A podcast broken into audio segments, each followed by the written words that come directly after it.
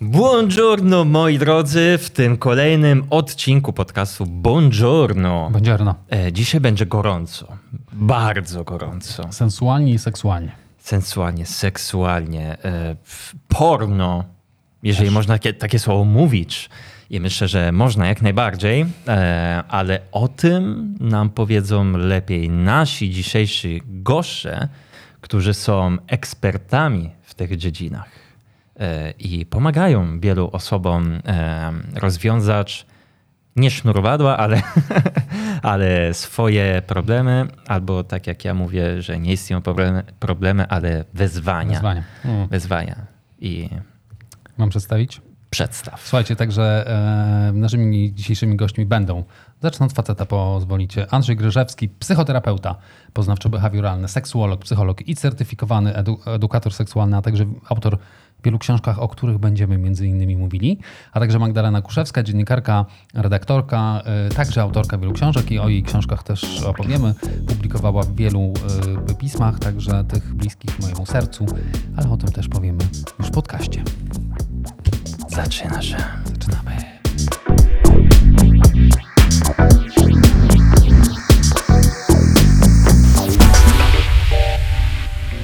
Buongiorno, allora, buongiorno. Buongiorno, amigos. Buongiorno wszystkim. No, Buongiorno. dzisiaj bardzo gorący temat, bym powiedział, rozmowy. To prawda. No słuchajcie, ale sobie porozmawiamy, mam nadzieję. Dlatego jesteśmy właśnie my Dokładnie. z wami i dlatego wy jesteście z nami. Gorący temat. To prawda. Jest mi Magda... piace, mi piace molto. Ty piasze. Jest No Magda. tutaj już pół, pół po włosku. Nie no, na, nawet nie pół, no po włosku sobie rozmawiamy. Nie wiem, czy wy to zrozumiecie w końcu, nie? Nie Właśnie. wiem, kurczę. Zróbmy Musimy... wer- wersję E, włoską. Będziemy musieli podkładać napisy. E, naszymi gośćmi są Magda i Andrzej, jak już wiecie z wprowadzenia. Będziemy sobie gadać o męskości i będziemy sobie gadać o seksualności, bo to są tematy nam jakoś ostatnio szczególnie bliskie, szczególnie, że mamy listopad. A w listopadzie powinno się gadać o facetach. Tak. E, dużo. Listopad, czyli liść opadu. O, to nam opowiesz o tym, jak O to z tym- zaburzeniach erekcji na przykład. Piękne. tak. Jak to, jest, jak to jest z tym liściem, e, bo do tego, do tego liścia i do, i do innych, słuchaj, rzeczowników wokół przyjdziemy sobie zaraz. No tak, Ale no bo nie, nie, niektórzy dawają e, słowo, jakieś imię, nie? Swe, swojemu, Tak. Nie wiem, No właśnie, e, to może Rodrigo.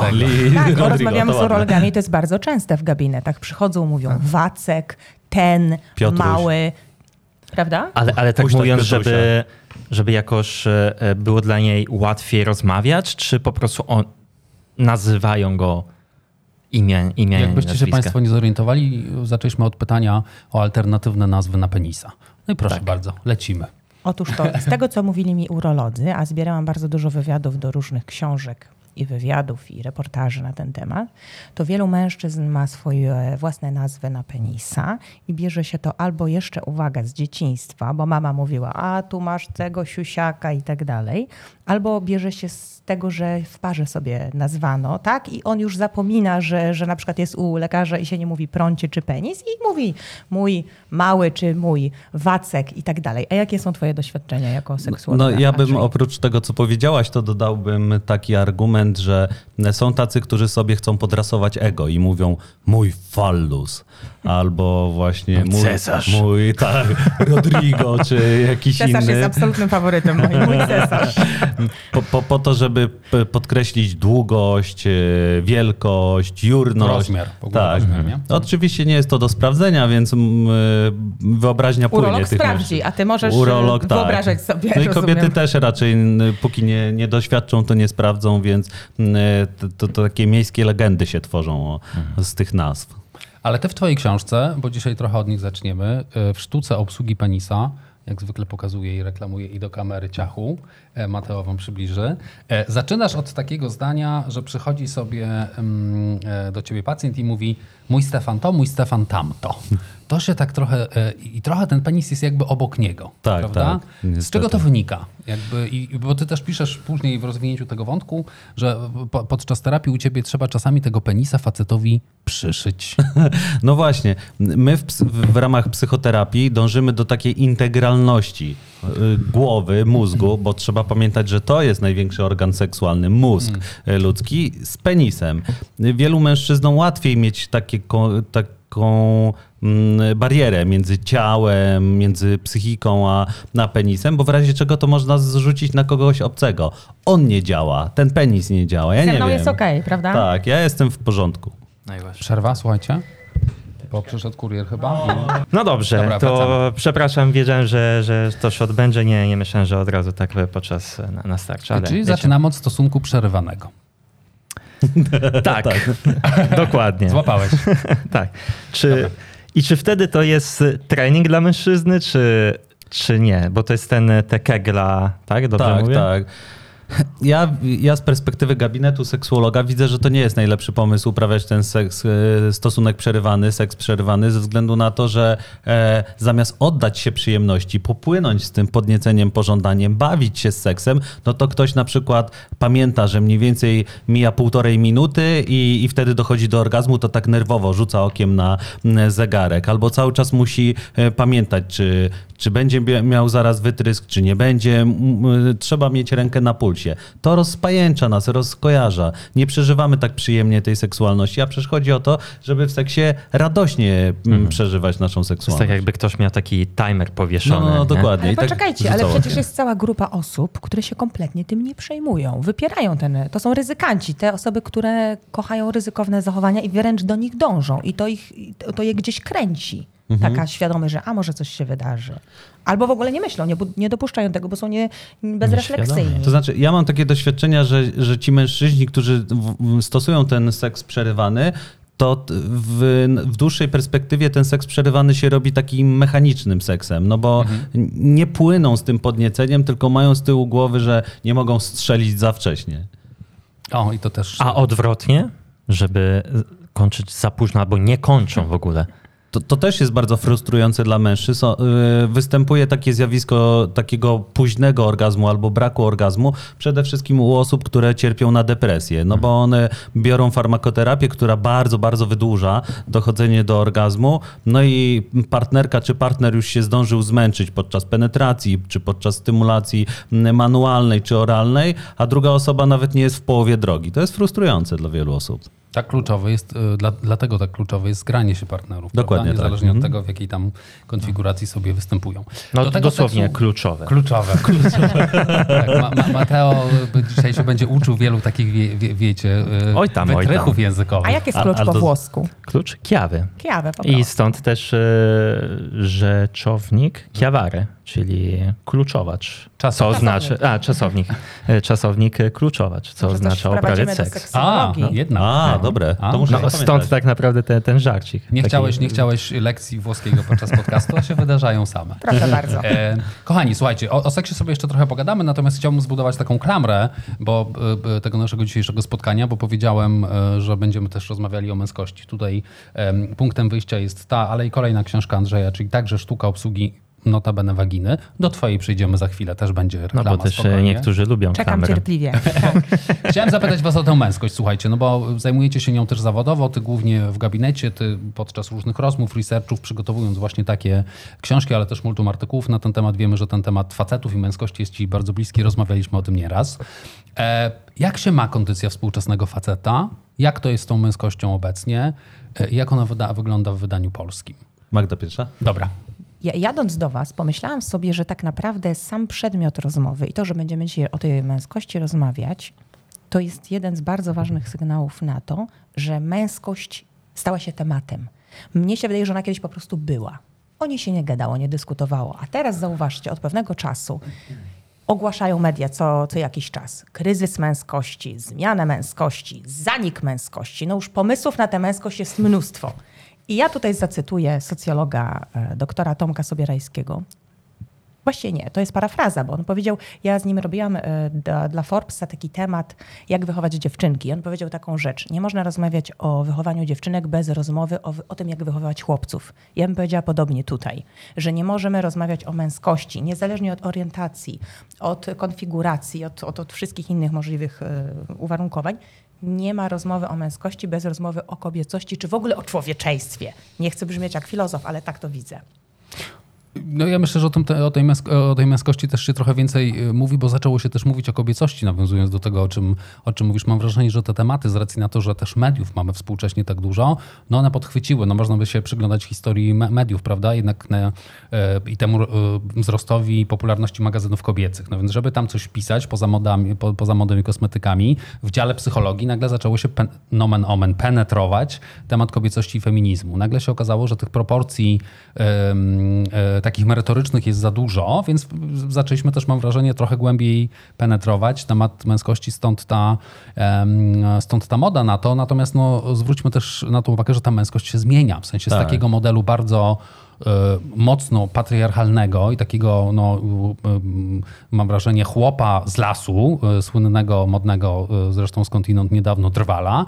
Idziemy w stronę. Mhm. zresztą dzisiaj mój, mój, mój wzór nie bez, nie, bez, nie bez pomyłki i nie bez I ta powodu. broda nawet taka, wiesz... Wszystko jest pod to. Będziemy jest, o tym- widzę ten będziemy gadać. wizerunek. Ja to Siekiera tutaj za firanką. Za firanką. E, no właśnie, upolowana chciałem, chciałem, chciałem y, cię Andrzeju zapytać, jak ten model męskości się zmienia? W sensie, jacy są współcześni faceci, jacy powinni być albo jacy b- być by chcieli. Ja mam poczucie, że ta stara definicja męskości, taka oparta na pat- patriarchalizmie, czyli że ten mężczyzna ma tylko zarobić pieniądze, m, być agresywny m, i być odcięty od emocji, ona się już wyczerpała. To nie jest definicja na nasze współczesne czasy, bo rzeczywiście to się super ws- m, m, sprawdzało w tych wspólnotach łowiecko-zbierackich, kiedy mężczyzna musiał e, na ziemiach polskich, nie wiem, upolować żubra, e, czy, czy no, bronić domostwo przed wrogiem, no to, to okej, ale teraz, gdzie wiele mm, instytucji nas chroni, nie wiem, policja, straż pożarna, karetka, kodeks pracy, mm, BHP i tak dalej, to już mężczyzna nie musi być troglodytą, no bo ona trochę się sprowadzała, ta definicja, do tego, że facet był odcięty od emocji, był bardzo taki mm, chłodny, opryskliwy, agresywny, mus, muszący każdemu pokazać, że on ma siłę, walący ręką po prostu w stół. Teraz jednak nasze relacje oparte są na dialogu, na współpracy i myślę sobie, że ten model, model patriarchalny też był, y, wychowywał mężczyzn do tego, żeby cały czas rywalizowali z sobą. Teraz dużo większe korzyści Żeby, są... żeby był ten alfa. nie? Tak, jeden alfa, a reszta po prostu czeka w kolejce, aż ten alfa zginie. No to teraz y, są... Trochę jak papież. Tak, o, dokładnie. Także jak w każdym, te- ale też struktury korporacyjne wciąż, nie? To się tam jakby zostajesz tym prezesem, ale już ci następni właściwie po tych... e, Siedzą ci tutaj Siedzą ci na- karku, tak? D- Dokładnie. No i na, nawet jeśli rozmawiamy teraz o, korporacji, no to jeśli e, taki mężczyzna gdzieś po środku tej drabiny dziobania e, był, to on go motywowało do pracy raczej to, że się bał szefa, że dostanie naganę. To jest słaba motywacja do, do pracy. Mm, Lepsza jest taka motywacja nie zewnątrz sterowna, tylko wewnątrz sterowna, czyli że ktoś ma ambicje, że ktoś coś chce zrobić. Mm, I te, innymi słowy, teraz jest ewolucja tych, tej definicji mm, męskości. Tworzymy różne nowe modele i pewnie tak jak akurat nas przy stole tutaj trzech mężczyzn jest, no i jedna kobieta, to my zupełnie inaczej definiujemy tą męskość. Magda by zupełnie inaczej ją Ale też ja myślę, że nawet różnice między wami by były. Że to nie jest tak, że wy we trzech macie jedną definicję No tak, męskości, jak najbardziej, nie? jak najbardziej. O, o, Okej, okej. To Żebyśmy się właśnie zrozumieli. Ja w ogóle myślę, że każdy ma swoją własną definicję męskości, prawda? I myślę, że y, każdy z tą definicją męskości jest y, męski, no bo urodziliśmy się mężczyznami. Tak, tak. Tak, tak. No, No, ja, ja bym powiedział, że właśnie męskość w mężczyźnie, e, taka e, prawdziwa, Mhm. to jest, em, pok- em, objawia się w momencie, kiedy mężczyzna jest w stanie akceptować swoją kobiecość. O, to też jest Te ultra ważne. cechy, Tak. tak. Mhm. Czy tam ten pierwiastek, nie? Tak, Tak, Pierwiastek, tak, tak, tak, Bo wtedy akceptuje siebie w całości, a nie tylko stronę e, swoją męską, bo każdy z nas e, ma i, i damską, i męską. nie? Stąd Ja- ja chyba jeszcze się bym- bierze, jeśli mogę, mały trend i taki trochę most pewnie do tego, o czym porozmawiamy później, stąd się chyba bierze właśnie homofobia, że faceci nie Tak. potrafiąc za, nie potrafiący w sobie uszanować, zauważyć czy zaakceptować Mhm. tego pierwiastka, że a pozwolę sobie na słabość, albo a e, chcę się poprzytulać, albo uroniłem łzę na serialu, kurde, nie powinienem, nie, o, o, o, coś tam się zapala jakaś lampka, nie daj Boże, inny koleś jakby skręca w tę stronę, to już od razu jestem adwersarzem i już będę, wiesz, Dokładnie, ganiał no. gejów na ulicach i chodził na te nieszczęsne różne wiece, które niestety, zresztą za chwilę pewnie znowu się niestety e, w Polsce wydarzą. Tak. I ja myślę, to było bardzo ważne, co Mateusz powiedziałeś. Ja bym jeszcze Mateo, do... Mateo. Mateo. Jesteśmy w Polsce, jest Mateusz. Nie, Mateo. Ojciec Mateusz. Mateo, dobra, Mateo. męskości. Zostańmy. Też, też ikona. Mateo jest Jesteśmy w ultramęski. Polsce. E, Natomiast e, chciałbym dodać do tego, że e, warto akceptować ten pierwiastek kobiecy w sobie, ale też warto akceptować te wady w sobie, bo jakby ta tradycyjna męskość to jest oparta tylko na promocji swoich zalet, że jest się takim niezniszczalnym. Stąd ta popularność w latach 90., 80., 70., tych wszystkich mężczyzn Marlboro Man, takich, nie wiem, takich niezniszczalnych. Stallone, właśnie, prawda? albo Arnold Schwarzenegger. To byli mężczyźni, którzy byli tacy zimni, chłodni, bez skazy. No, no albo całe, wszystkie te serie Jamesa Bonda. W ostatnim Bondzie Bond mówi, że, że kocha wreszcie kogoś i że, że, że dobry tęskni, że bo, boi się. M, Myślę sobie, że to też pokazuje zmiany kulturowe m, w definicji męskości. Tak, kiedyś męskość to było głównie o sile i o wyglądzie zewnętrznym, silnym, tym takim oczywistym. A teraz bardziej męskość jest rozpatrywana w kategoriach cech charakteru, osobowości, prawda? I to już jest fajne. Chociaż właśnie- pewnie znajdzie się mnóstwo ludzi, dla których męskość jest wciąż o sile i o byciu hero. Tak sobie myślę. Ja- tak, braku płaczu. Jak najbardziej, jak najbardziej można nadal znaleźć i, ta, i takich, i takich, bo tak jak mówiliśmy, dla każdego z nas męskość może być coś innego i w takim otoczeniu się wychowali, że dalej czują, że dla nich to jest siła i wygląd, to, to jest męskość. Mhm, tak. No wzorce pewnie w dużej mierze też na przykład z, z p- pola sportu, nie? No jakby no tam o tę fizyczną, fizyczność i fizis chodzi. A te, też, też sobie pomyślałem o różnych pracach, które wymagają tego. Praca w wojsku. Nikt tam nie płacze. Wszyscy udają, że nic nie czują, tylko że realizują jakieś zadania. Budowa, remonty. Dokładnie. Cała ta branża. E, praca w różnych służbach, e, strażacy, policjanci, m, lekarze. No, nie widziałem płaczącego chirurga. M, Byłem Chyba, że w parę serialu. TVN. Ale w życiu nie. No właśnie, i, i to też z tego się bierze, że nie, niektórym się z pracy przelewa ta męskość taka mm, e, z twarzą robota na życie. A to mi się przypomniało, poznałam ostatnio żołnierkę z Mazur, która powiedziała mi jedną rzecz. Mam taką silną psychikę, ale moje ciało zaczęło dawać sygnały, że coś jest nie tak. Czyli ta psychika cały czas jest, cudzysłów oczywiście, Mhm, duże ogólnienie męska, no bo w wojsku się nie płacze. Ale na przykład ciało zaczęło jej dawać sygnały. To też było takie. No właśnie, właśnie, właśnie miałem w tym momencie w głowie pytanie, a jak odwrotnie, czyli męskość w kobiecie? W tym momencie to, to jest to też trudne do akceptacji dla kobiety swojej męskości.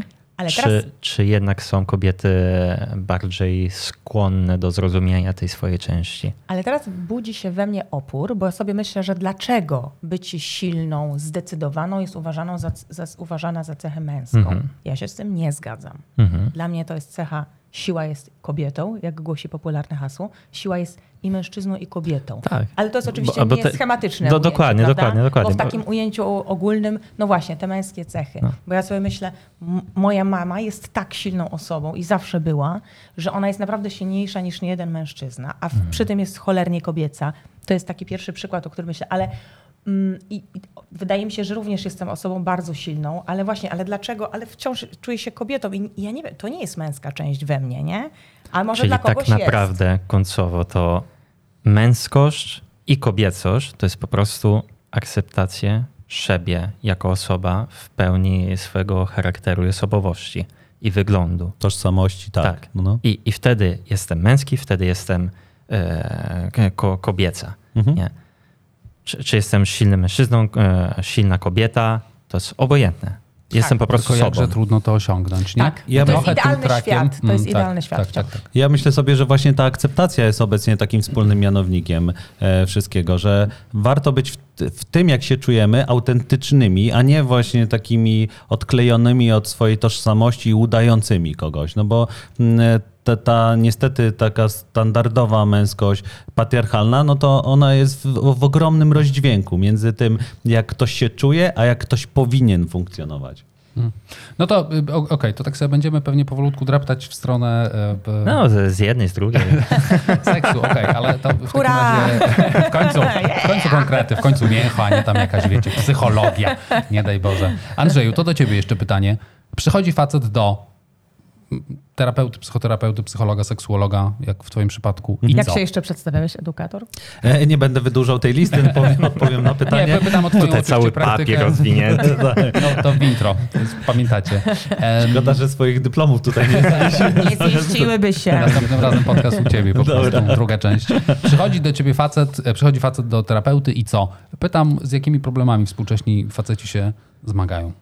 Ja jestem w ogóle przygotowany na to, że przychodzi mężczyzna e, i pod sztandarem jakimś. I ten sztandar zazwyczaj jest zupełnie czymś innym niż on realnie się chce z tym zgłosić. Bo sztandar jest taki, że przychodzi z depresją, a później się okazuje, że ma zaburzenia erekcji. Albo w drugą stronę przychodzi z zaburzeniami erekcji, a wstydzi się przyznać, że ma depresję, że jest słaby, że się rozpada, rozkleja i tak dalej. Więc y, 90% mężczyzn, którzy do mnie przychodzą, to zawsze ze sztandarem, e, więc ja trochę na to patrzę przez palce, co, z czym oni przychodzą, bo wiem, że za, na trzeciej sesji, na czwartej, piątej on wreszcie powie, tak naprawdę to przyszedłem z tym i z tym. I dopiero wtedy zaczyna się praca. Z kobietami jest inaczej. Pierwsza sesja, konkret i pracujemy już nad tym, z czym kobiety przychodzą. To jest fajne. A najpopularniejsze, najczęstsze problemy, jakby do czego tam dochodzicie? No bo rozumiem, że często są to pewnie właśnie problemy z erekcją. To znaczy- To często b, b, b, b, b, panowie mylą podobno te dwa hasła, w sensie erekcja i e, ejakulacja. Jeszcze Tak, nie ma takiej tak, świadomości, co jest czym i... Ejakulacja jest wytryskiem m, spermy, natomiast e, erekcja jest wzwodem, sztywnością członka. Tak jak, przepraszam, myli się Potencją. ewu- owulację z owacjami. To w memach. Estrogen ze stragenem, prawda? Więc Musiałam to wtrącić, sorry, żeby było równo. Jak 16 lat temu zaczynałem pracę, to rzeczywiście pierwsze miejsce to byli mężczyźni z zaburzeniami erekcji, na drugim miejscu z przedwczesnym wytryskiem, czyli tak zwany trzy ruchy i suchy, że od razu był wytrysk. Obecnie się bardzo pozmieniało, bo na pierwszym miejscu są mężczyźni, którzy nie chcą uprawiać seksu. E, mają obniżony popęd seksualny, czyli tak zwaną hipolibidemię. E, I rzeczywiście to jest ogromna grupa, bo aż 36% w Polsce mężczyzn nie chce uprawiać seksu w stałym związku. I albo w ogóle w ogóle nie uprawiają seksu, albo po prostu uprawiają ten seks y, masturbując Gdzieś się. może. Albo gdzieś indziej, ale najczęściej masturbując się i oglądając pornografię. Więc no to jest gigantyczna grupa. Co trzeci Polak nie uprawia y, seksu. Bo we Włoszech się mówi e, gallina che non becca già beccato, czyli Magda Ku- przetłumacz. Brzmi jak poezja.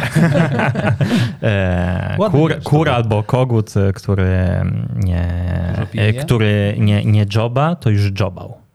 A, okej, no to niezłe. No, no. A, okej, okej. Niektórzy moi pacjenci Okej. mówią, że jeśli mężczyzna nie wydaje pieniędzy na żonę, to wydaje na kochankę. Myślę, że trochę do No, tego to- się to- to- A w moich fantazjach wyszło w mojej książce o fantazjach seksualnych, że O. mężczyźni najczęściej spełniają fantazję też nie z partnerką czy partnerem, tylko idą gdzieś dalej, z osobą przypadkową, z kimś poznanym na Tinderze albo z kochanką, welkochankiem. To, to jest a propos fantazji, czyli tych bardziej takich urozmaiconych form. No właśnie, bo mamy część. Polaków, właśnie pokazywałem książkę przed chwilą twoją, czyli dziękuję. Chciałbym, a więc e, pełen tytuł, e, Chciałbym e, mę- męskie fantazje seksualne, bo okazuje się, że mówisz 36% Polaków nie uprawia seksu, mówimy o, Tak, o mężczyznach, o statystykach. No Potężna to, to jest grupa, olbrzymia, olbrzymia grupa. No. No ale jest taka część, która uprawia. E, Cieszę się, że spojrzałeś akurat na mnie. regularnie. Słuchaj, solidarność doświadczeń. I wiele z nich fantazjuje. I wiele z nich fantazjuje. i Bym powiedział, nawet wszyscy, Wszyscy. fanta- wszyscy fantazjują. Mniej lub bardziej wszyscy dokładnie, fantazjują. dokładnie. Na o różnych tych etapach życia męskich fantazjach, bo o tym jest twoja książka, chociaż w relacji z kobiecymi fantazjami oczywiście. E, Chciałem cię zapytać, co z twoich badań, co z twojego researchu i co z twoich rozmów wyszło, o czym fantazują Polacy, jak fantazują Polacy i której fantazji, ja już wiem, ale zapytam, jest najwięcej. Uwielbiam ten temat, to, to na, Temat na dzień rzeka. dobry. Tak, te, temat rzeka. No, generalnie fantazjujemy wszyscy, mniej lub bardziej. To Andrzej na pewno tutaj mnie wesprze ekspercko na różnych e, etapach życia. To się też objawia bardziej lub mniej. E, Jedną z najpopularniejszych męskich fantazji w Polsce jest seks grupowy i seks, e, w tym szczególnie... Whatsappie chodzi. Szczególnie Na- na seks, grupie na Whatsappie. Seks, w- seks w trójkącie. Od tego Faceci, się zaczyna. Faceci uwielbiają y, fantazjować o seksie, seksie w trójkącie i uwaga, moja ulubiona fantazja, seks z MILF.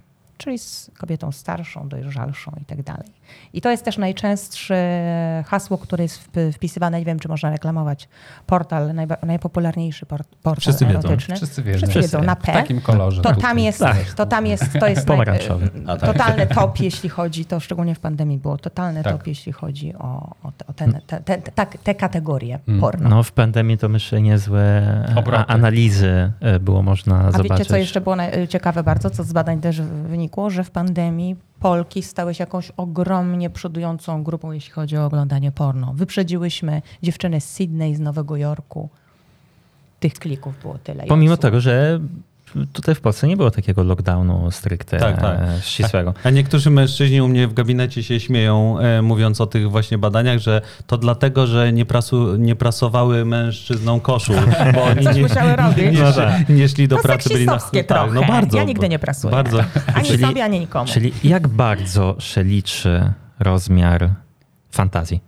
O, myślałam, że rozmiar i ale spojrzałam na Andrzeja od razu a propos jego książek i już zamarłam w oczekiwaniu, co powiem. Mateusz się tak cieszył na to pytanie, tak wam powiem. Jak bardzo, ale to bardzo poetycko nawet powiedziałeś, skonstruowałeś to pytanie. Bardzo ci dziękuję. Jak bardzo się rozmiar. Ale właśnie, bo ja w tej książce też opisuję dzięki też rozmowom z terapeutami, że jeśli fa- fantazja staje się obsesją, jeśli fantazja zaczyna być w jakiś sposób zagrażająca, no, no to staje się też w ogóle niebezpieczna i dla związku, i dla tak zwanego dobrostanu danej osoby. Przykład. Mężczyzna, który fantazjował od jednej z terapeutek z mojej książki. Mężczyzna, który od lat bardzo obsesyjnie fantazjował o seksie z taką, przepraszam, brudną i starą prostytutką i mówi, czemu mam tego nie zrealizować? To jest moja fantazja, chcę. Zrobił to, no i trafił na terapię, bo znienawidził siebie, e, miał jakieś stany depresyjne. Tak, do czego zmierzam? Ostrożnie z tymi fantazjami. Fajnie sobie odpowiedzieć, e, najpierw zrobić za i Gdzie przeciw. jest ta granica w tak, ogóle, nie? na Do ile, kiedy- czy, czy to mm. jest okej dla mnie z moim kodeksem, z moim potem, co może, o, co może być dalej? To tak jak mi opowiadał szef y, klubu swingersów, byłam też na tak zwanych badaniach terenowych, ale akurat w pustym, ale oprowadzał O, mnie po czterech piętrach klubu i słyszałam też historię o parach, które no, umówiły się, przyszły, podjęły decyzję przecież, zakładam, że Mm, wspólnie, demokratycznie, no ale jedna z osób y, ze związku wybiegała, bo nie była w stanie tego unieść. Jak jej bliska osoba się, przepraszam, bzyka na jej oczach z kimś. A, czyli drugi partner, Innym. druga osoba została, a ta nie mogła tak. tego znieść. Więc, Mhm. I znowu, zakładam, że chodzi o zrealizowanie fantazji, czy o jakiś rodzaj nawiązania, d- wprowadzenie jakiegoś fajnego elementu, czy jakiegoś urozmaicenia. To już nie oceniam, tylko mówię, jak może być. Bo, bo zakładam, że to się bierze też z fantazjowania na przykład o seksie grupowym, czyli jednej z najpopularniejszych fantazji. A w jakim momencie fantazja staje się fetyszem? Andrzej, ty wiesz to najlepiej. Ja myślę, bo są fetysz, fetysze małe i fetysze duże. Bo, Małe bo, zaz, bo zazwyczaj fetysz się kojarzy właśnie jakieś czarny lateks, jakieś Tak, tam tak. trzepaczki, maski, rzeczy i tak dalej. tak Ale na przykład ktoś mógłby mieć taki fetysz, że chciałby uprawiać seks na tym stole. No Mhm. i póki y, to ten seks się pojawia e, epizodycznie, Rurku, Właśnie na rurku. na się na wośpie. Ale poczekajcie, Rurku, pamiętacie świętej pamięci Kamila? A, tak, tak, tak. Rurku, tak. ubie... no ale on jest tyłu jest.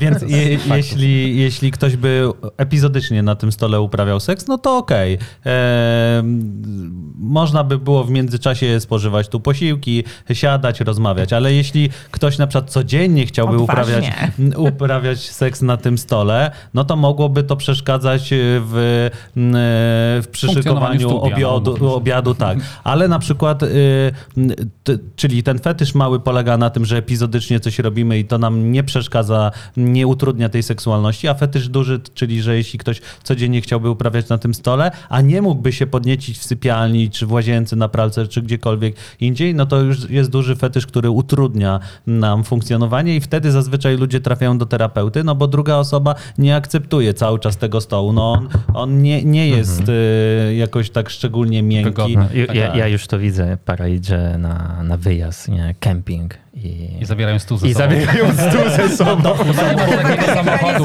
Fantazję, jest Chyba nie masz tak dużego samochodu, świetne. Mateo, żeby taszczyć go No ze to sobą. wynajmują przyczepę, no trzeba ponieść jakieś koszty. Czyli kwestia obsesji tak Lawetę. naprawdę, No nie? tak, tak.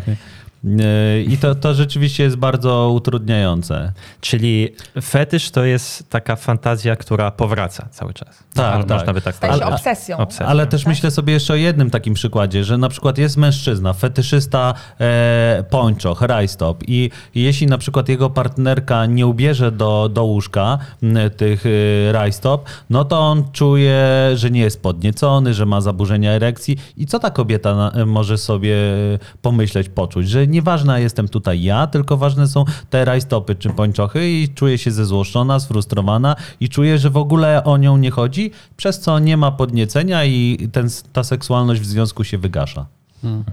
Chciałem wrócić trochę do wątku, pozwolicie jeszcze swingersów, bo to nas jakoś tak też zain- zainteresowało i zaintrygowało, ale w takim to, trochę bardziej aspekcie właśnie mm, terapeutycznym, naukowym, bo często się zdarza, tak czytałem i też chyba słyszałem w jednej z rozmów z tobą, że w momencie, w którym pary decydują się na właśnie przygodę swingerską, swing, swingerską i ją nawet realizują, często potem trafiają do psychoterapeuty, bo coś tam się zmienia w ich relacjach. Zaczynają być o siebie zazdrośni albo mają na przykład do siebie pretensje. Czytałem w jednej książ- z książek, akurat chyba u Michała Pozdała, nie ma tutaj tej, tej publikacji, historię pary, gdzie na taką przygodę namawiał facet, dziewczyna się nie chciała zgodzić, poszli do takiego klubu albo spotkali się z taką parą, jej się bardziej spodobało niż jemu.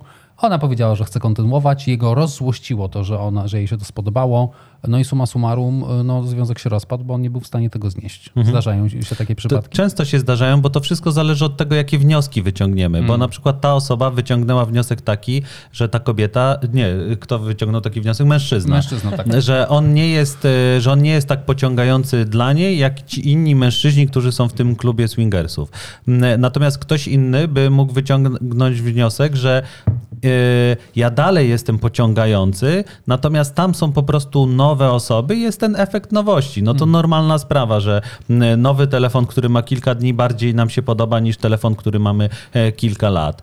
I podobnie tutaj w seksie, że, że jak kogoś nowego poznajemy, mózg jest maczany w fenyletyloaminie, takim hormonie e, podobnym do amfetaminy i bardzo jesteśmy pobudzeni. No i rzeczywiście z tym, z tą fenyletylaminą osoba ze stałego związku nie wygra, ale to naturalna sprawa. Jak sobie ktoś to w ten sposób obróci, taki symbol nada, że, że to jest po prostu efekt nowości, no to nie czuje się dotknięty.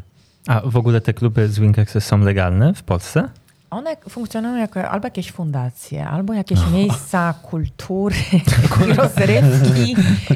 Nie, nie, nie, No nie są, one są zarejestrowane w inny sposób. Okej, okej. Bo, bo, bo myślę, że może rozrywka. właśnie też tak, ta tak. lekka jakby nielegalność może wpływać na to, że sze- te pary, czy Tak, te tak. osoby, co tam chodzą, czują bardziej tak podniecone No Tak, tą tam- sytuacją. nie? Przepraszam, bo tam nie ma tabliczki, że witajcie tu. Na przykład ta willa na Ursynowie, w której ja byłam, tam mm, to jest Bez jeden oznaczeń. z wielkich domów. Tam nie ma żadnej tabliczki. Nawet, że to jest miejsce bar czy cokolwiek, chociaż na jednym z pięter jest bar. Więc rzeczywiście zgodzę się. Taka nielegalność, że najpierw na przykład do tego akurat klubu trzeba trafić, żeby najpierw trzeba trafić na stronę internetową, zarejestrować się, potem oni ci podają adres. To nie jest takie hop Przez ulicę. To, to wielu ludzi dodatkowo kręci, niewątpliwie. Tak, a ja też nie wiem, a to jak jest we Włoszech, ale w Polsce taka partyzantka cały czas jest w cenie, czyli że robimy coś wbrew systemowi, nielegalnie. To Tak, jest po takie- prostu duch narodu. To na pewno, to na pewno. No tak, to jest przeciekawa historia. Ciekawe, ciekawe, czy sąsiedzi wiedzą, co tam się dzieje, jak widzą te w piątki i w soboty schadzki nagle. Może Też oni też ciekawi. tam są. Może mają Właśnie. kartę stałego bywalca, nie? Dlatego nie mają nic przeciwko. Na Śląsku jest podobno największy w Polsce klub swingerski. Tysie, impreza na tysiąc osób. O, wow. Gdzie? Na Śląsku. Śląsku. W katowickim. A, bo tam dużo kiełbasy robią. Tam jest węgiel, tam jest gorąco. A, dlatego. A węgiel w cenie i Halo Śląsk. Wszystko poszło do góry. Ale powiem wam, że to jest taki sympatyczny klimat, bo ja kiedyś, jak jeszcze nie, nie miałem swojego instytutu psychoterapii, tylko pracowałem mm, u kogoś, to mm, ta nasza poradnia e, wtedy była w lokalu, który, w którym wcześniej była agencja towarzyska i w parkiecie mm, drewnianym były po prostu sz, y, ślady szpilek od, od właśnie od tej rury w, do pool Do pole dance. dance, mm. E, no i ja jako seksuolog tam się dobrze czułem. Czułem ducha seksu. ducha, ducha. Tak. Czyli w sumie em, dla takich osób, które e, chso- e, biorą się za zwingersowanie, czy idą do takich klub, klubów, no to to, co jest najważniejsze, to jest e, koncepcja zdrady. Nie? Czyli czy zdrada jest to... Kontrolowanej takiej, Ale czyli to jest jeszcze osobne zjawisko cuckold właśnie, ale to też jest taki portal i y, funkcjonuje. Znam ludzi, którzy też z tego korzystają, czyli jest para i zaprasza sobie trzecią osobę. Najczęściej jest to para heteroseksualna, która zaprasza sobie Faceta. faceta. Bula tak zwanego. Tak. I Kogo? on wtedy Bula. Uprawia Ból, taki seks byk, na oczach... który, taki facet, ból, który... ból. I tak. on uprawia seks wtedy na oczach mm, tego stałego partnera z jego żoną czy ten. I to jest wtedy cuckold, taka typowa zdrada kontrolowana. A później ten, ten partner czy też mąż ze stałego związku uprawia z nią seks i ma takie poczucie, ostatni będą pierwszymi. I taki, takim winerem się Wygrywa czuwa. męskość. Męskość. Może z tego to wynika. A trochę do tych fantazji jeszcze chciałem wrócić. Ym, I do tego milfowania, bo to jest jakby duży, duża też część twojej książki, bo właściwie tam o tych relacjach młodszych facetów ze starszymi kobietami. Cała druga część. Cała druga część. Bo ja tak? wychodzę od fantazji, ale potem jest też romans, miłość, relacje, też bycie utrzymankiem, ale różne, różne konfiguracje. Starsza ona, młodszy on, w, du- w skrócie. Bardzo ca- całą... Mhm, Szerzej, tak, szerzej, tak, szerzej. Tak. Em, No tak, ale jakby o, o tej fantazji, bo ona mm, faktycznie była taka ba bardzo duża narracja medialna, e, tak jak powiedziałaś, że właśnie w czasie pandemii nagle ten serwis, o którym rozmawialiśmy, a którego nazwy mimo wszystko tutaj nie wymienimy, a macie. Chyba, że wejdą w sponsoring przy kolejnym odcinku, O, nie? zapraszamy, Wtedy możemy polecamy. pogadać. Tak, Who knows? albo to wynika z faktu, że tam większość Polski już jest. Tak, dokładnie. I tak wiecie o co chodzi. W każdym razie faktycznie o tym milfingu, że tak powiem, zaczęło się bardzo dużo mówić. Jest też, też ha- hasło DILF. No właśnie, Czyli- niedawno się dowiedziałam, że jest deal. Jest to mnie deal, zafascynowało. Trzeba zrobić tą książkę. Dokładnie. No. To, to tak, ma, macie temat, absolutnie, słuchajcie. Właśnie, możemy więc, napisać Więc mam nadzieję, że was do tego za, Pomyślimy. Szukamy zainspirujemy. wydawcy. Nie E, mamy. W każdym razie, e, z czego to wynika i dlaczego jakby faceci em, no chcą się kochać, ale też na, na dłuższą metę związywać ze starszymi kobietami? Czy to jest ta potrzeba? Mateo, dokończ pytanie, bo wiem, że... e, No to zaraz poetycko, pójdzie poetycko. Czekam, czekam, Czekaj, czekam. no, to? rozmawialiśmy o tym dzisiaj. No, rozmawialiśmy. em, czasami faceci No. może na co dzień też zawodowo i finansowo muszą wszystko trzymać w ryzach, więc w łóżku chcą dać władzę? Tak, bo to, Ale przepraszam. my, myślę, że to, jest, y, że to jest y, coś innego, ponieważ Aha. e, oddać władzę, czyli takiej y, do, domeny, Ale to jest dominy, jedna z to, to, jest coś fantazji. innego. Chęć Ta- bycia zniewolonym. Dokładnie. I też często prezesi o tym mhm. mają A, dosyć a z. MILF to jest już no, po prostu kobieta starsza, co, co nie oznacza, że oddajemy swoje, swoją kontrolę, swoje Brawo. szefowstwo. A, dobra. Zna się chłopak na rzeczy. Ciekawa z jakiej racji. No właśnie. Dobra, No, muszę się przygotować. Terapię. Zmieszałem dwa wątki, jasne. Okej, no ale to jakby podejmij je, proszę. Pierwsza rzecz to, jest- to jest cała grupa mężczyzn, którzy fantazują o seksie z MILF i oni nie chcą się wiązać. Mm. I taka, moim zdaniem i zdaniem terapeutów, i pewnie Andrzej potwierdzi, taka grupa jest liczniejsza niż takich śmiałków, którzy decydują się na związek z MILF. Ja przyjęłam na potrzeby tej książki, że taką różnicą, o której zaczynamy mówić, która jest zauważalna i fizycznie, i być może emocjonalnie, i na różnych innych polach, jest 10 lat i więcej. Na przykład, i też piszę o podwójnych standardach, bo mm, Macron, e, państwo Macron, którzy, gdzie jest różnica 25 20, lat, gdzie ona jest starsza, ciągle im się to wypomina. Starsza prezydentowa, no straszny skandal. Ale gdy Donald Trump był prezydentem i miał o 25 lat młodszą Melanię, no to wszyscy, no tak, no, no ma 25 lat może, no, i- no i gdzie jest temat, o czym jest tu rozmowa. Więc raz, to są podwójne standardy, dlatego mówię o śmiałkach, którzy decydują się na bycie z osobami starszymi, mm, dojrzałymi, w tym wypadku kobietami, zwanymi MILF. E, Ale rzeczywiście, z czego to wynika? To też już mówią o, o tym moi rozmówcy, eksperci. No, najprostszym łącznikiem pewnie będzie, że jakieś podświadome szukanie matki, czy osoby, która się zaopiekuje i tak dalej, ale tak naprawdę to jest dużo szerszy kontekst. Czasami chodzi, co ja jako romantyczka chyba też by, um, czasami chodzi tylko i aż o miłość i o porozumienie. I wiek staje się drugo- czy czwartorzędny. Okej. A przy okazji jest to seksowne po prostu. To jest ciekawe, tak. zrobię taki mały wtręt, bo w jednym z poprzednich odcinków rozmawialiśmy o rozwodach, a więc o zupełnie innych, innym aspekcie e, no, relacji damsko-męskich. Jednak najczęściej siedział tutaj obok mnie pan detektyw, pamiętasz? Mhm, pamiętam. I spodziewałem, spodziewałem się, że on będzie mówił o takich mocno detektywistycznych, twardych rzeczach, dowodach, jakby wiecie, sposobach tropienia, dlaczego ludzie to mówią. A on zaskoczył nas, myślę, taką konkluzją, że jakby toczy się ta nasza dyskusja tutaj na twardo. Zobaczcie Państwo jeden z poprzednich odcinków e, o, o rozwodach, wiecie, mieliśmy b- prawnika, mi- panią prawnik, mieliśmy pisarkę, która się zajęła tak tym filo, tematem. za, zaczną filozofować po prostu. Filozoficznie powiedział, że tak naprawdę, jakby wiecie, no możemy, się, możemy sobie o tym gadać, ale trochę zapominamy o, to, o, o tym, o, o czym w, tym, w tych związkach powinno chodzić. Czyli o miłość. Proszę czyli kurde, bardzo. znowu Ja do tego detektyw. wracamy. Miłość. No to, to, to, to na pewno jest ważne, natomiast są też inne aspekty. Polska jest takim krajem, gdzie ta seksualność jest w takiej opresji, bo jest e, otoczona wstydem, m, zakłopotaniem, lękiem i e, mężczyzna, który załóżmy ma lat m, 20, e, to myśli sobie, że jak pójdzie do łóżka z rówieśniczką, to ona będzie tak samo zawstydzona jak on. Będzie miała takie same lęki. On będzie miał lęki o zaburzenia erekcji, czy utrzyma ten m, wzwód, czy nie będzie miał przedwczesnego wytrysku, czy jego penis nie jest zbyt krótki i tak dalej.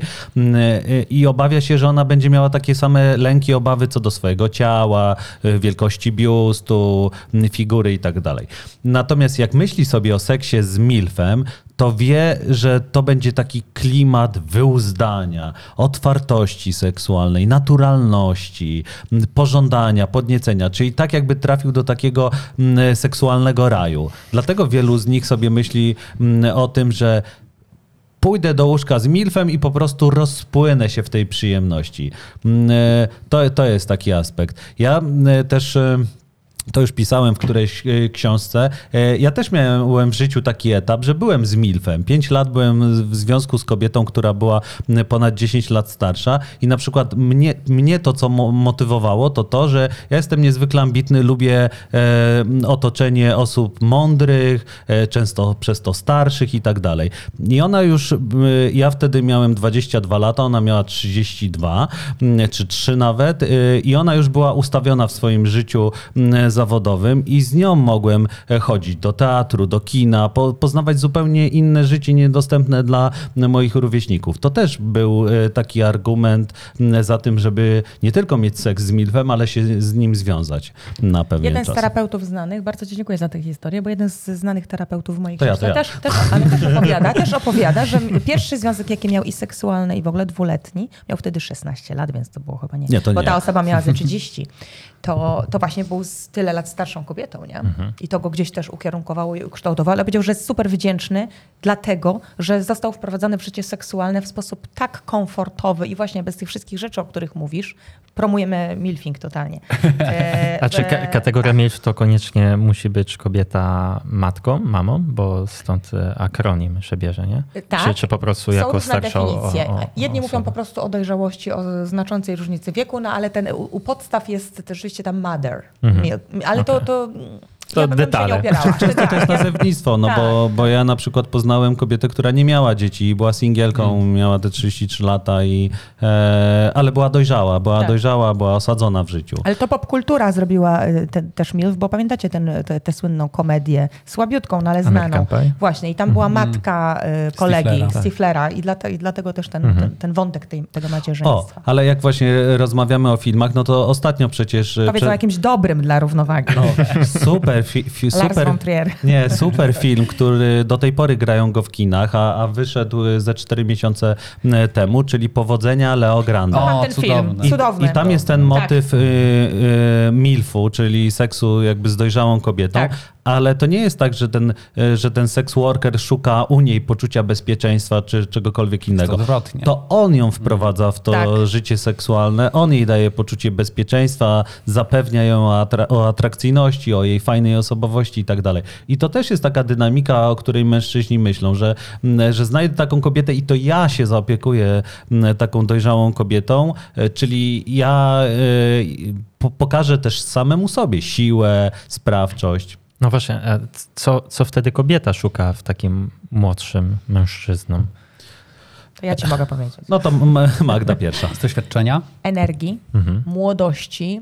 Często jednak za młodym wiekiem idzie taka świeżość spojrzenia, że jeszcze wszystko mogę, że jest nadzieja, a u starszych, dojrzalszych już czasami jest jakiś rodzaj rezygnacji, rodzaj rutyny. W ogóle Tu kręgosłup boli, tu kolano. tak. Ale też tematy, mnie nie? Którymi tak, zaczynamy totalnie. Y, Młodość dla mnie to jest y, takie, takie jeszcze, że wszystko mogę, to jest, taka, to jest ta, taki rodzaj całego lifestyle'u i ideologii Otwarta furtka. No. że jeszcze wszystko jest możliwe, że jeszcze wszystko możemy razem zrobić, wszędzie pojechać, to jest po prostu przedłużanie sobie młodości, moim zdaniem. Też. I to w, w ko- kompletnie różnych obszarach, nie tylko w tym seksualnym. Psychologiczna również taka medycyna też. spotykasz się z Totalnie. młodszym, e, z młodszym e, partnerem? Ja facetem? mam od 17 roku życia wyłącznie młodszych chłopaków, dlatego wiem, co mówię.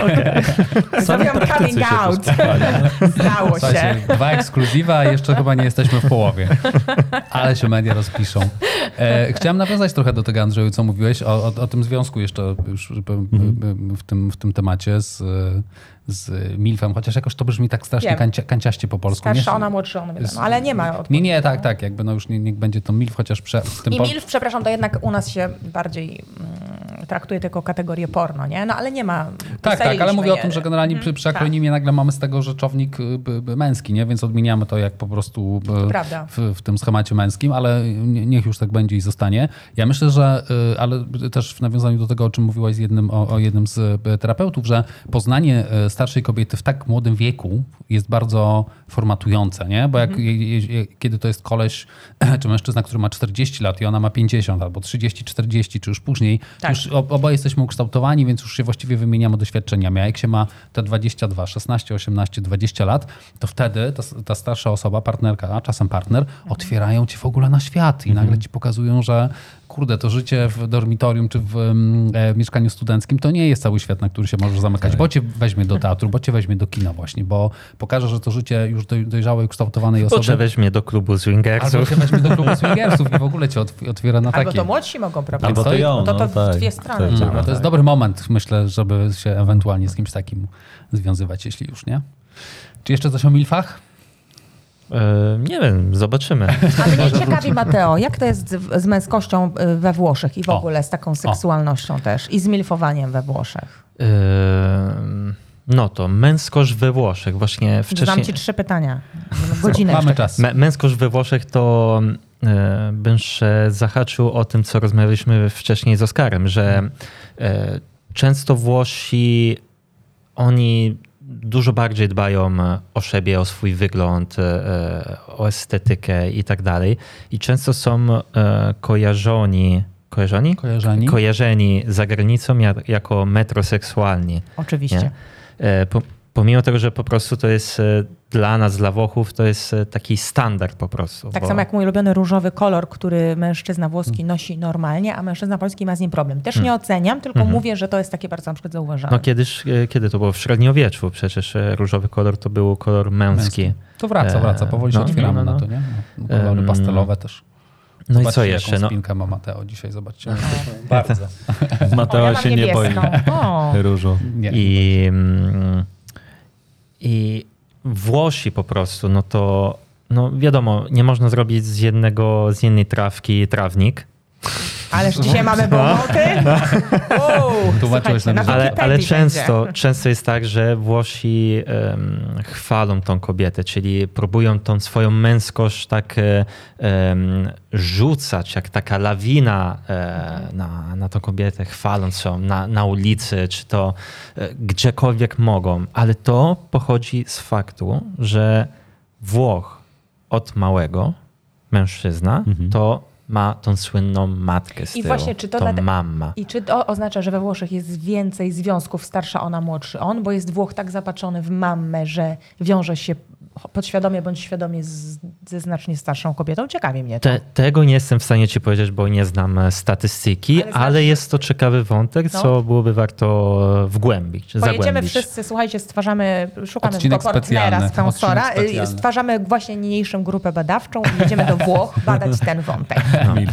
Będziemy też, też jeść dużo pasty i dużo czerwonego wina, aby badania się udały. Koniecznie w maju, czerwcu albo lipcu oczywiście. Dobrze. No, właśnie odnośnie wina, jak Bene. bardzo, jak bardzo e, tu w Polsce zwłaszcza alkohol wpływa na, na, na, Otwartość, ten, na, na otwartość e, związkowa, czy po prostu na ten e, otwartość seksualna i tak dalej, ponieważ no, za granicą, no, no ja pochodząc z, z Włoch i żyjąc tam 27 lat, to, to jak się myśli o Polskę, no to od razu to wódka, rzemniaki, kiełbasy. I biały albo wódka, albo wódka z ziemniaków, a w tle biały To, to, to, to, niedźwiedź. To, to jest dobrą metaforą naszego polskiego seksu, że to jest właśnie najczęściej wódka, e, ziemniaki i kiełbasa.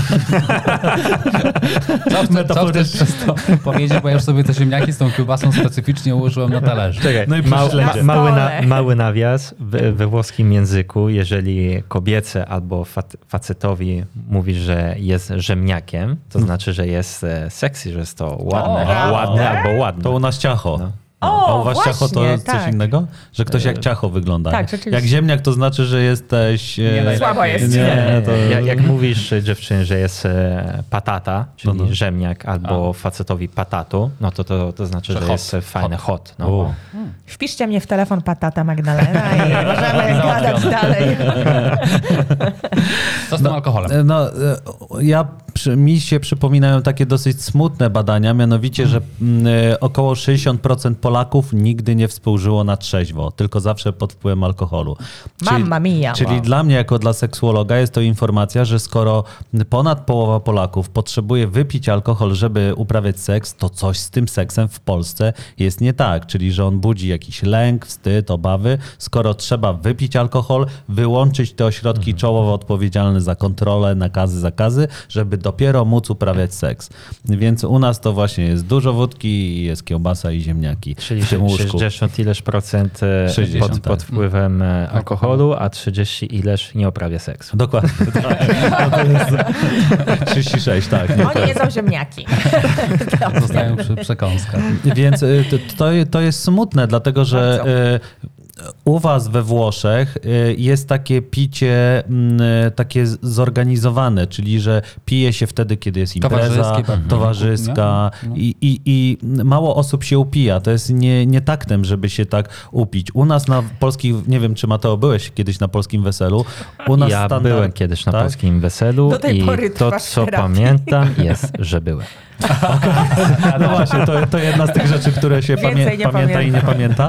Natomiast u nas na weselach standardem jest to, że zawsze jakiś wujek po prostu zaśnie twarzą w zupie. Albo w sałatce jarzynowej. Dok- Dokładnie, tak. Mm, e, I, i, I to jest przykre, bo podobny jest seks. Mianowicie, że, że mało, jakby naukowcy mówią, że, że Polacy piją w taki sposób zdezorganizowany, czyli piją wtedy, kiedy się smucą, wtedy piją e, w samotności. e, No, innymi słowy, nie trzymają granic, piją do odcięcia.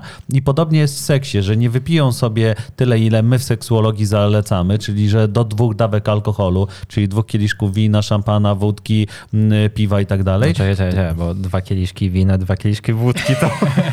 Chodzi o jednostki, nie? A, Tak, jednostki, jednostki, okej. alkoholu. No tak. Bo to E, wtedy działa na rozluźnienie, prawda? Żeby nas trochę tak dla animuszu. Może dwie butelki do tej jedno. Dwie jednostki alkoholu. Polak inaczej rozumie jednostkę. Włoch to te kieliszki, a Polak ma jednostkę dwie butelki alkoholu. Tak. To jest inna No metoda. ale w, w ogóle ten e, alkohol, powiedzmy, narodowy, to zupełnie inne procenty, nie? Bo mówimy No. wódka 40, ile, 40%. Wino a- tam 12, tak. No Tak. tak. maksymalnie do 14, czyli No, to jest no. zupełnie i, inaczej. Dokładnie. In, inny Natomiast miernik. W Polsce efekt jest taki, że większość mężczyzn po takim dużym spożyciu alkoholu ma właśnie zaburzenia erekcji, bo nie, umią, nie potrafią się podniecić, bo wszystko im się kołysze, e, nie dochodzą często do orgazmu, są w tym seksie tacy bezpardonowi, nie liczą się z partnerką. Ten seks jest taki mechaniczny. E, To, to nie jest dobra jakość tego seksu. To jest właśnie wódka, ziemniaki i kiełbasa. Ale Tak nie wszyscy ten odcinek. Wydaje mi się. Czyli lepiej jakość, a nie ilość. Zdecydowanie. A dlaczego się, z czego to wynika, jak myślisz? No gadasz pewnie o tym z pacjentami, zgaduję, że przychodzą i się jednak trochę, e, no nie tłumaczą, ale przyznają do tego, nie? Że, że jest obawa, no jeśli nie na pierwszym spotkaniu, to na którejś tam sesji. E, No właśnie, bo ja też widzę ta, ta, taki model po, po różnych moich kolegach, że no trzeba się rozluzować, żeby pójść do No łóżka. właśnie. Z czego to wynika? Czego my się boimy? I Oskar? Oskar to jest właśnie clue. Z czego my mamy się rozluźnić? Właśnie z tego, co najczęściej doświadczamy na temat seksualności, czyli że ta seksualność jest zła, dziwna, śliska, podejrzana. E, innymi słowy, że, że musimy się z, te, z tego takiego e, kaftanu takiego bezpieczeństwa, e, który, Wyzwolić. tak, wyzwolić, w który nas ubierają rodzice, szkoła, e, m, kościół, no bo cały czas słyszymy o tym seksie, że m, e, jeśli będziemy uprawiać seks, to, be, to będziemy przedmałżeński, to będziemy grzeszni. Jeśli będziemy się masturbować, to między naszymi palcami wyrosną włosy. Albo błona. Albo błona, tak. Albo jak będziemy ruszać na, na prawo i Błona? lewo, Jak- Dobra. Buonasera. Buonasera. Albo jak będziemy właśnie ruszać na prawo i lewo głową, no to nasz mózg tak będzie grzechotał nam w czaszce. No dużo osób wierzy w takie mity. Mm, Wiele kobiet słyszy od swoich matek, ciotek, że jak, jak wcześniej mm, e, zaczną uprawiać seks, no to e, mężczyźni nie będą szanowali, to zapłodnią, uciekną. E, I jak dziewczynka już przestaje być dziewczynką, ma lat 16-18, to jej te poglądy nagle się nie zmieniają. To jest długa ewolucja trwająca e, kilka, kilkanaście, kilkadziesiąt czasami lat. Te lęki w nas zostają. Dlatego tyle osób pije, żeby tych lęków nie czuć i móc popłynąć. No ale ta, to, to, później to płynięcie to trochę wygląda jakby ktoś w kanu płynął przez wodospad Niagara. Jak bardzo według was Kościół tutaj w Polsce ogranicza Ja chciałam to powiedzieć właśnie. rozwój e, seksualny e, ludzi, Młodych. mo, mo, młodości najczę- i też starszych w sumie? Magda? Ja zaraz powiem, bo... Ogromnie. Mam wrażenie, że każdy ma Ogromnie. swoje, Tak. swoją Nawet teorię. ci, na- którzy nie chodzą do kościoła, jest coś takiego jak przecież cała kulturowość i cały taki klimat społeczny, że nawet gdy nie chodzimy do kościoła, to gdzieś nasiąkamy, tym, nasiąkamy tymi prawdami, tymi teoriami, że człowiek jest grzeszny, że uciechy są grzeszne.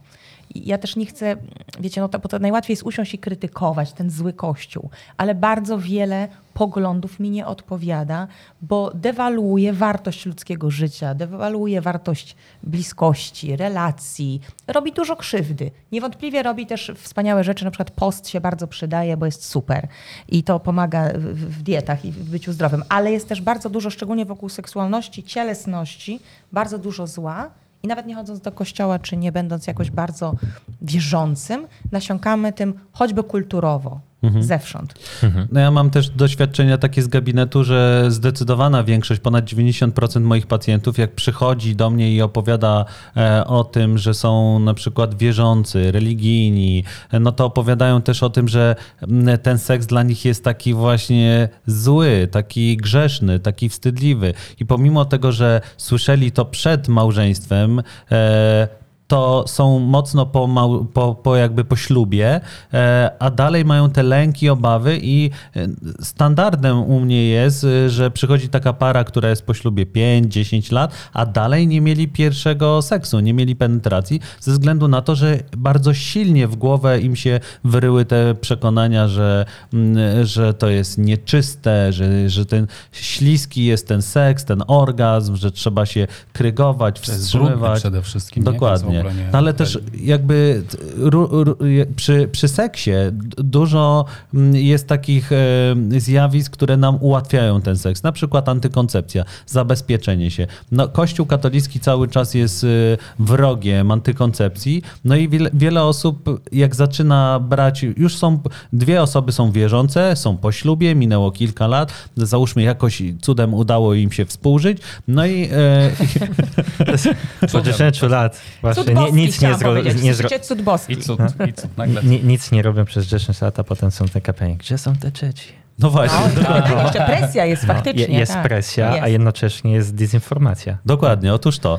I przychodzą i mówią, że uprawiają ten seks, ale mają ogromne wyrzuty sumienia, bo stosują mm, antykoncepcję, tabletki, pierścienie dopochwowe czy prezerwatywy, a wiedzą, że w ich e, tym regulaminie kościelnym jest to po prostu grzech. No i e, jak uprawiać tak seks radośnie, z taką dużą otwartością, ciekawością, jak z tyłu głowy taki gości mówi, robi źle, robi źle. Już sobie Tak. wyobrażam, jak słyszą ten głos w ogóle swoją Tak, drogą, nie? Jakie tak. to musi być deprymujące. Tak.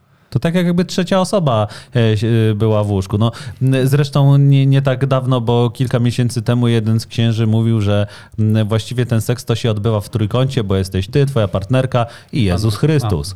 O, to mocne, to nie słyszałam. To może też być fantazja. Właśnie. Myślę, że u niektórych tak. Tak jak była taka... ta- taka Zgłaszajcie do nas swoje fantazje, opisujcie Taka i będziemy czytać i Zwłaszcza te religijne. Tak, zrobimy z O, tego. to- to. A, a wy O, macie to- jakieś e, fantazje, którymi chcielibyście jeszcze podzielić? O której mamy emisję? O, idziesz ostro. Słuchaj, Jak to jest- we Włoszech? Jaka pogoda? Jakie wino świetna, słonecznie, wytrawne czerwone wino i, i lecimy z tym. O, cisza. To chyba na, Cisza. Krępujące. już i tak nam dzisiaj dużo powiedzieliście, także Teraz wyciągniemy kolej coś z na tego. was.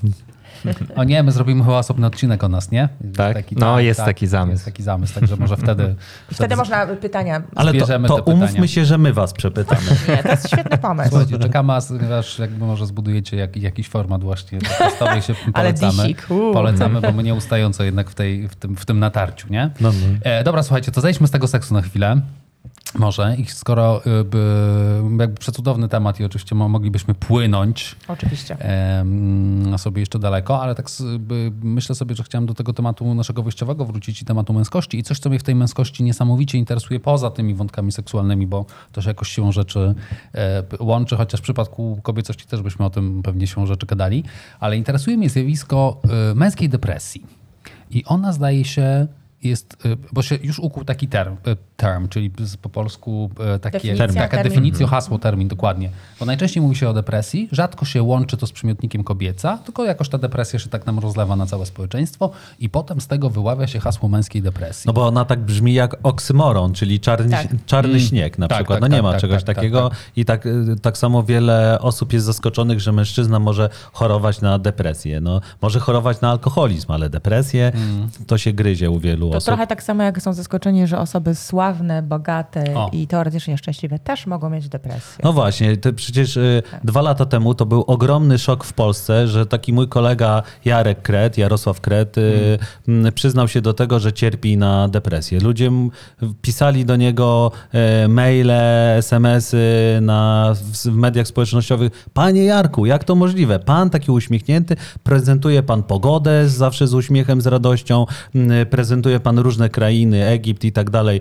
Też zawsze z radością. Gdzie pan ma depresję? To niemożliwe. No możliwe. Depresję przeżywamy w sobie. To w ogóle nie widać. Często nawet po oczach nie, nie jesteśmy w stanie poznać, że ktoś ma depresję. Czasem najwięcej śmiechu jest, po, jest podczas e, depresji, uśmiechu. No właśnie, otóż to. No i a, a propos, chciałem spiąć te dwa wątki, no bo Mhm.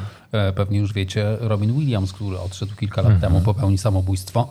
Jeden z najwybitniejszych, największych komików w historii, jednak głównie kojarzony z Tak. rolami komediowymi. No okazuje się, że popełnił samobójstwo właśnie w fazie e, depresji, na którą cierpiał od e, lat. Jim Carrey zdaje się to samo, e, prawda?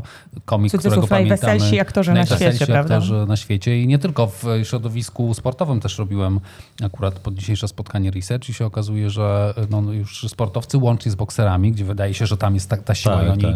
nigdy nie odpuszczają, jednak na tę depresję cierpią. Ale chciałem cię zapytać, bo to jest bardzo specyficzna odmiana depresji, jeśli tak można powiedzieć. Ona się zupełnie inaczej objawia niż ta kobieca, bo tutaj właśnie panowie, to może zapytam o to, by- jak przychodzi facet do ciebie i mówi, że ma depresję, to jak ją u siebie zaobserwowuje, czyli jakie są jej symptomy? E, i też przez co ona się wyraża. Ja sobie obserwowałem ten temat swego czasu i okazuje się, że facet, który e, e, cierpi na depresję, najczęściej ucieka właśnie w alkohol i w seks. Najczęściej przygodny Tak. i taki e, no, no, no, no, przygo- częsty, przygodny, intensywny, ale nawet nie po to, żeby zaspokoić swoje potrzeby seksualne, tylko żeby zrzucić z siebie to depresyjne napięcie. Mhm.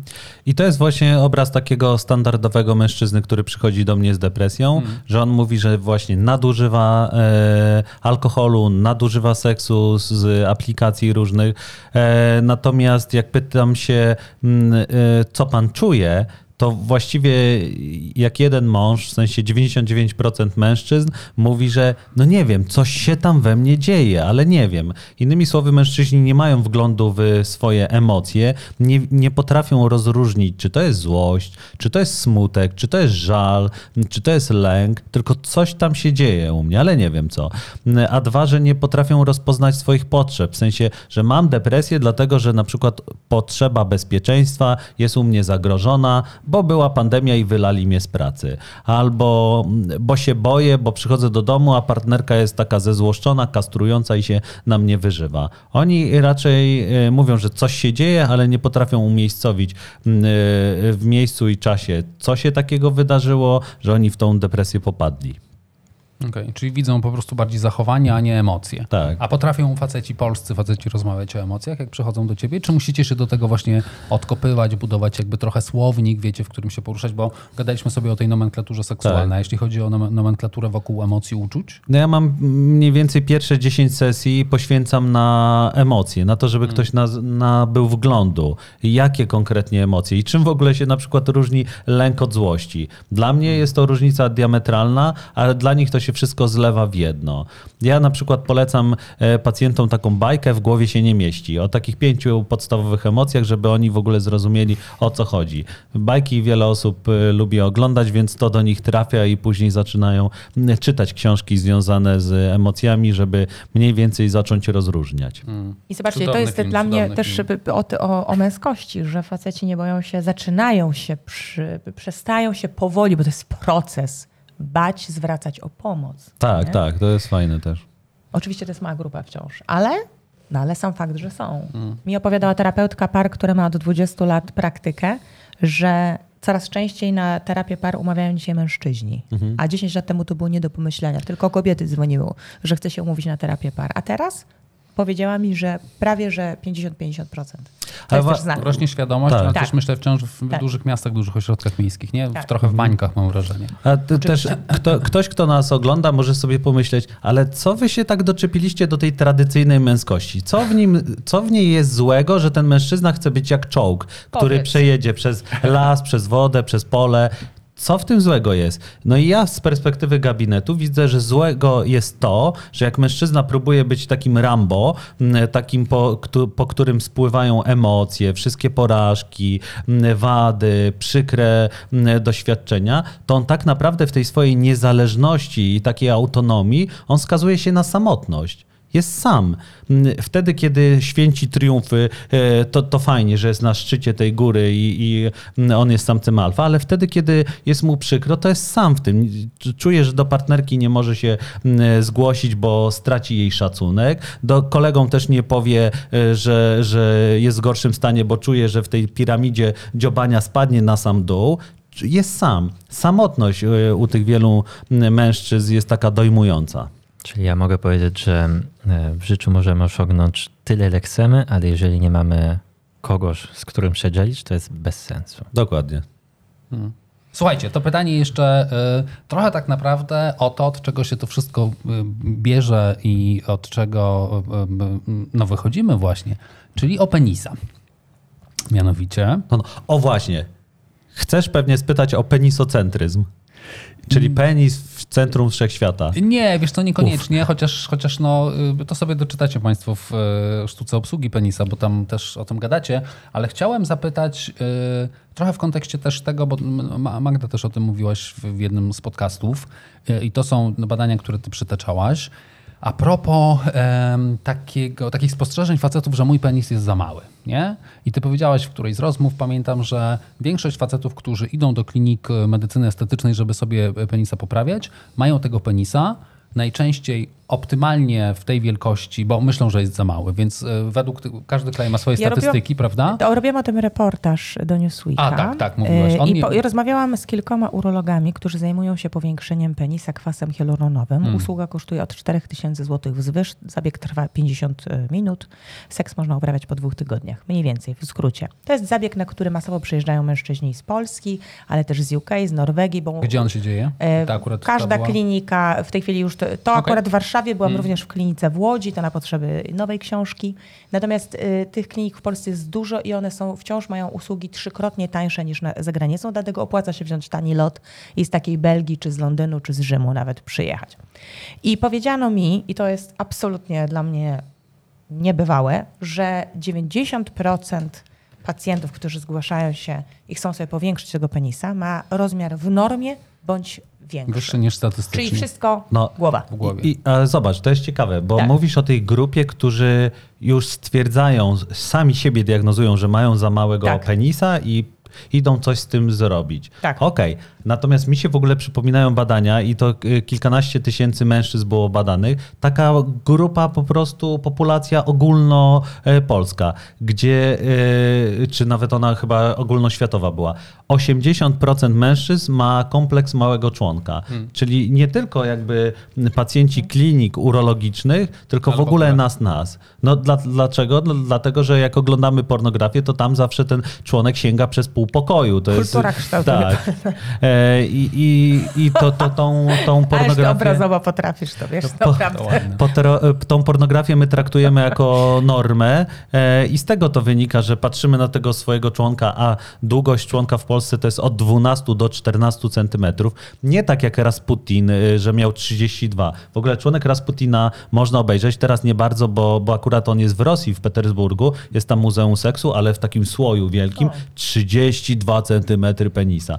N- e, Więc większość mężczyzn myśli, że to jest standard i dlatego z tymi e, penisami takimi 12-centymetrowymi, 14-centymetrowymi w normie oni mają poczucie, że nie doskakują nawet do, do połowy tej normy. A co ciekawe, z tego co, z tego co przeglądałem się tym badaniom, nie ukrywam, penisy krótsze, jakby łatwiej jest im, y, że tak powiem, wzrosnąć o, o więcej proporcjonalnie niż te długie, prawda? To bo tam Tak. jakby chodzi o, o, że tak powiem, samo wzrastanie do tej długości pokoju. Tak. Wtedy ta proporcja jest y, jakby, no, bardziej na korzyść użytkownika. Ale wiecie co, jeszcze przychodzi mi taki jedny, jeden piękny tekst z filmu, który ukazał się w tym roku. Film się nazywał Najgorszy Człowiek Świata. I- Przepiękny norweski film. I aktorka mówi, że y, ta, ta główna bohaterka mówi, że ona najbardziej lubi takie półwzwody, takie, jak, takie wzwody, które są takie jeszcze miękkie, bo dopiero przy niej ten wzwód robi się wielki, potężny i ona wtedy czuje swoją kobiecość, że to ona podnieciła tego mężczyznę, a nie, że tak jak jest na pornografii, że mężczyzna zdejmuje spodnie, zdejmuje bieliznę, bąk i jest laga. No to nie, nie, nie o to wielu kobietom chodzi. Czyli można powiedzieć, że można zwiększyć pe- penisa za pomocą psychologii. Tak, tak. I poezji. I poezji, i wiedzy, której mam nadzieję dzisiaj żeśmy Państwu dostarczyli. Ale Oj, ile? tak. Ja myślę, że dotarliśmy do końca tego odcinka. Jeżeli się poczuliście bardzo zainteresowani w tym temacie, to skomentujcie pod spodem, czy może chcecie drugą część. I o czym mielibyśmy porozmawiać, bo tutaj podpowiem na naszej półce również sztuka obsługi waginy, więc może tym razem w tym kierunku. Dokładnie tak. Razem z Oskarem się zobaczymy w kolejnym, kolejnym odcinku. Nie wiemy jeszcze, kto będzie, ale na pewno ktoś będzie. Nieprawda wiemy, tylko nie powiemy wam. Ale to jest taka fajna końcówka. Magda Kuszewska i Andrzej Grzewski byli naszymi gośćmi. Kochani, O. dziękuję wam. Dziękujemy wam bardzo. Dziękujemy, super no i było. będziemy patrzeć przez cały pokój, co nam tutaj zaraz e, wystrzeli. I myśleć o stole. Oto to. Ciao. Ciao, ciao.